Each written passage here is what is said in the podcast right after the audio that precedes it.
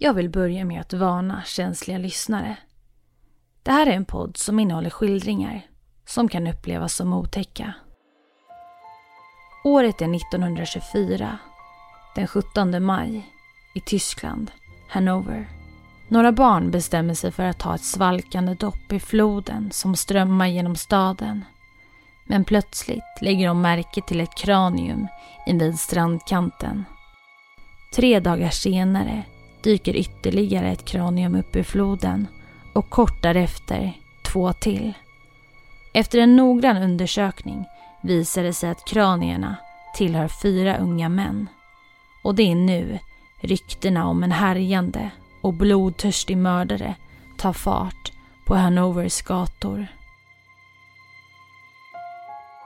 Det här avsnittet handlar om seriemördaren Fritz Harman känd för att ligga bakom flera av Tysklands mest makabra brott i modern tid. Du lyssnar på Värsta morden. Det här podcastavsnittet är skrivet av Lisa Törnlöf. Året är 1879, den 25 oktober. Ett gällt barnskrik hörs och en pojke som får namnet Fritz Harman föds. Han är det sjätte och sista barnet som föds i den fattiga familjen Harman. Fritz växer upp till ett tystlåtet barn och han har det svårt i skolan och har en dålig relation till sin familj. Han är inte omtyckt av sin far och han bråkar ofta med sina äldre syskon. Dessutom gillar han att skrämmas, bara för skojs skull. Han gör ibland små hyss. Exempelvis knackar han på fönstren på nattetid men han gör också värre saker. Några gånger band han fast sina systrar mot deras vilja. Fritz mamma bestämmer att han inte längre kan bo kvar hos familjen. Han skickas därför till en militärskola. Han är nu 16 år och hamnar på en militärskola långt ifrån hemmet. Han gör bra ifrån sig. Men efter fem månader på militärskolan drabbas han av ett epilepsiliknande anfall och en månad senare blir han tvungen att lämna skolan.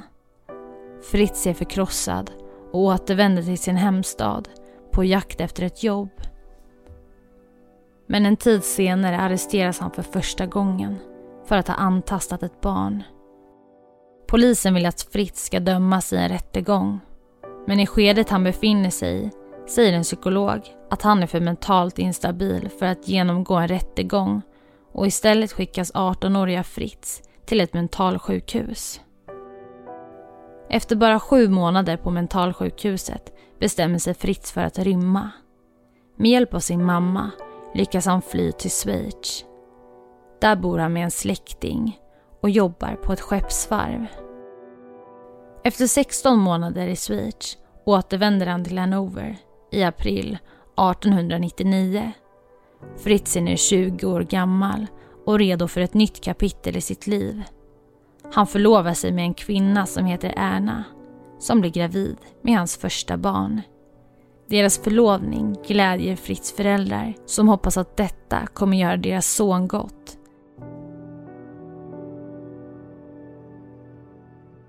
Men Fritz lämnar snart Erna för ett liv inom militären. Men för att komma in i militären måste han lura dem.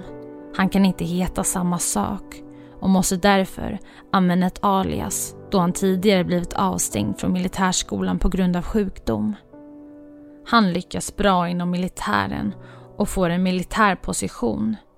Och han blir lycklig. Det ryktas om att han är en exemplarisk soldat och skytt. Men 1901 händer det igen. Fritz kollapsar i ett anfall under en militärövning och hamnar på sjukhus i över fyra månader. På grund av händelsen anser de honom som olämplig att arbeta inom militären och han avskedas i juli 1902, då 23 år gammal. I skam återvänder han hem igen. Och det är nu hans far gör allt i sin makt för att få sin son inlagd på ett mentalsjukhus igen. Men till ingen nytta. Han är nu vuxen och är en fri man att göra vad han vill. I denna veva gör Fritz ett sista försök till att få en karriär. Han öppnar en liten fiskbutik, men även det blir ett misslyckande. Butiken går i konkurs och Fritz lämnas återigen arbetslös. Och det är nu något händer inom honom och hans verkliga kriminella karriär börjar. Han gör inbrott och grips regelbundet och får vid ett flertal tillfällen kortare fängelsestraff. Han begår också flera sexuella övergrepp, men dessa övergrepp når sällan polisen och de blir svåra att bevisa. Fritz lär sig utnyttja sin livssituation. Han spelar ett dubbelspel genom att bygga en stark relation till polisen som resulterar i ett jobb som informatör. Där kan han vilseleda polisens arbete till sin egna fördel. Under den här tiden inleder också Fritz ett förhållande med en betydligt yngre och stiligare man som heter Hans Grans. Ett partnerskap som ska vara in i det sista. Och som ni vet ska Fritz snart mörda för första gången. Och ni ska nu få höra om hans första kända mordoffer. Fritz första kända offer är en 17-årig pojke som heter Fride. Fride är på rymmen och försvinner den 27 september 1918. Vid hans försvinnande återberättar vittnen att pojken senast såg i sällskap med Fritz. Polisen har sina ögon på Fritz och bestämmer sig nu för att göra en husrannsakan av hans lägenhet. Och i samband med husrannsakan av Fritz lägenhet finner man honom med en halvnaken minderårig pojke och han arresteras för sexuella övergrepp. Men den pojke som polisen stötte på i samband med husrannsakan av Fritz lägenhet är inte Fride. Och Fritz har vid ett senare tillfälle berättat att om polisen hade genomsökt hans lägenhet mer noggrant då skulle man förmodligen ha hittat just Fride. Hans avhuggna huvud var inlindat i tidningspapper och gömt bakom Fritz spis. Fritz döms för sexuella övergrepp och efter nio månaders långt fängelsestraff släpps han på fri fot igen.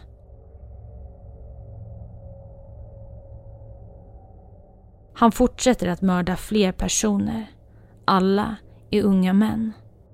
Fritz har ofta beslag på offrens ägodelar efter att han dödat dem. Ibland säljer han ägodelarna på den svarta marknaden eller så behåller han sakerna för sig själv. Fritz partner, Grants, arbetar sida vid sida tillsammans med Fritz.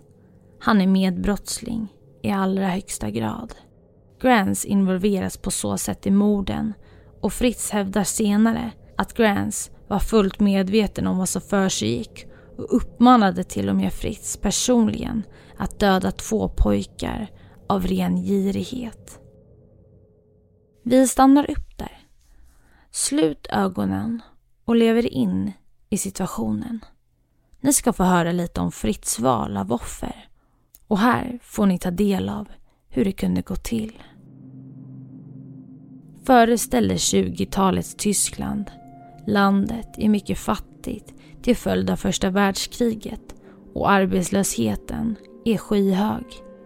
De flesta har inte mat för dagen och en stormande inflation gör så att pengar är värdelösa. I ett kyligt väntrum på tågstationen Hanover står en ung man vid namn Adolf, bara 17 år gammal. Men trots mellankrigstidens hårda bud och den bitande kylan är han på förvånansvärt gott humör. För han har lyckats få en lärlingplats som ger husrum och mat för dagen. Vad den unga mannen inte vet är att någon iakttar honom från andra sidan av den ödsla stationen. Det är 44-åriga Fritz och vid sin sida står Grants, hans partner. Efter ett tag börjar Fritz närma sig pojken på andra sidan av stationen och inleder sedan ett samtal med honom. Därefter lämnar männen tågstationen tillsammans och det är sista gången någon ser 17-årige Adolf vid liv. Vad man vet är att Adolf utsattes för samma öde som minst 27 andra unga män mellan åren 1918 till 1924. Det yngsta offret var en pojke som bara hunnit fylla 10 år och den äldsta var inte mer än 22 år gammal. Fritz offer består i majoritet av unga män som är på rymmen, pendlandes eller prostituerade som håller sig till Hannovers centralstation. Vanligtvis lockar han dem till sin lägenhet där han våldtar och misshandlar pojkarna för att sedan mörda dem. Vanligtvis mördar han dem genom att bita dem i halsen, likt en varulv. Därefter brukade han stycka sina offer och kasta ner dem i en flod. Nu ska ni få höra fortsättningen av det här avsnittet.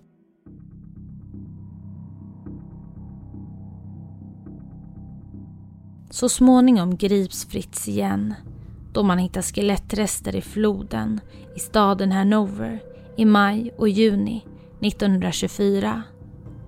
I samband med polisutredningen renas floden och då upptäcks mer än 500 olika skelettdelar som tillhör minst 22 olika människor. Polisen får direkt upp ögonen för Fritz då han tidigare varit inblandad i polisutredningen gällande försvinnandet av Friedel år 1918. Natten den 22 juni samma år övervakar polisen Fritz. Han grips kort därefter då han försökt locka med sig en pojke till sin lägenhet på stadens centralstation.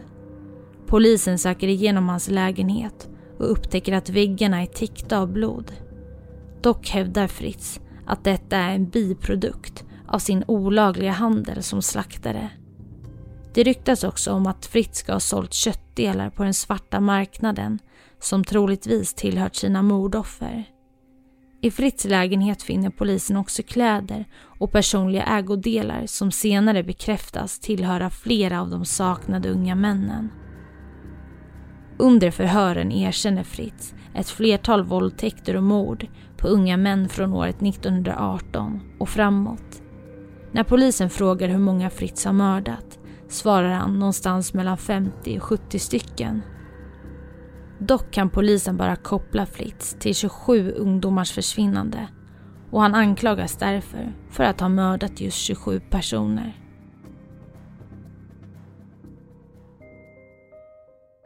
Året är nu 1924, den 4 december och Fritz står inför sin egna rättegång.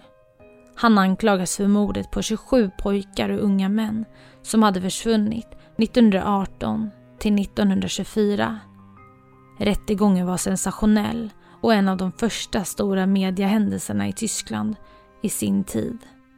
Termen seriemördare hade ännu inte börjat brukas så allmänheten och pressen försökte hitta andra ord för att beskriva Fritz.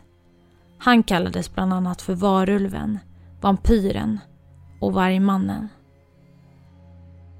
Polisen var chockade över att det var just Fritz som låg bakom morden på så många unga pojkar och män. De hade haft förtroende för honom då han jobbade som informatör åt dem. Men seriemördaren som polisen så länge letat efter fanns hela tiden i deras närmaste krets välkänd och precis under näsan på dem. Rättegången varade i knappt två veckor och totalt vittnade 200 personer om deras upplevelser med Fritz. Den 19 december bestämmer den tyska rätten att Fritz är skyldig till 24 av de 27 morden och han döms till döden. Han blir frikänd från tre mord som han starkt förnekar under hela rättegången. Trots att pojkarnas personliga ägodelar hittas i hans bevar eller oss bekanta vid gripandet. Den 25 april 1925 står Fritz inför döden.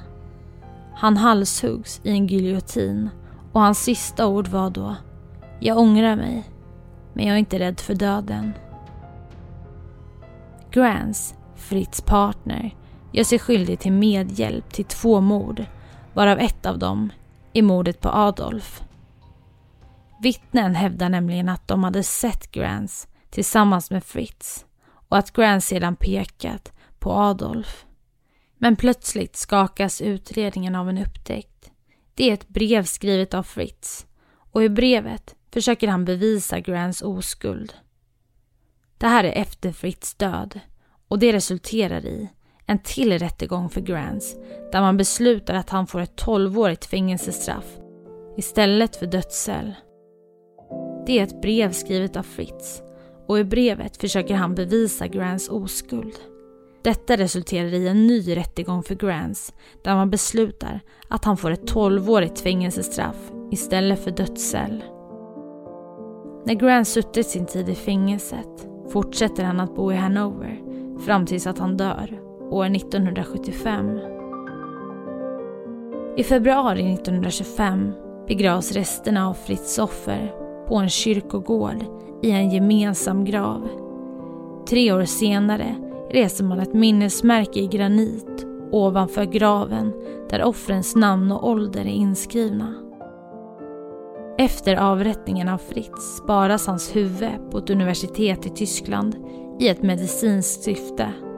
Forskare ville nämligen studera strukturen i Fritz hjärna och 2014, hela 89 år senare, kremeras huvudet. Tack för att du har lyssnat på dagens avsnitt. Du lyssnar på Värsta morden. Det här avsnittet är skrivet av Lisa Törnlöf.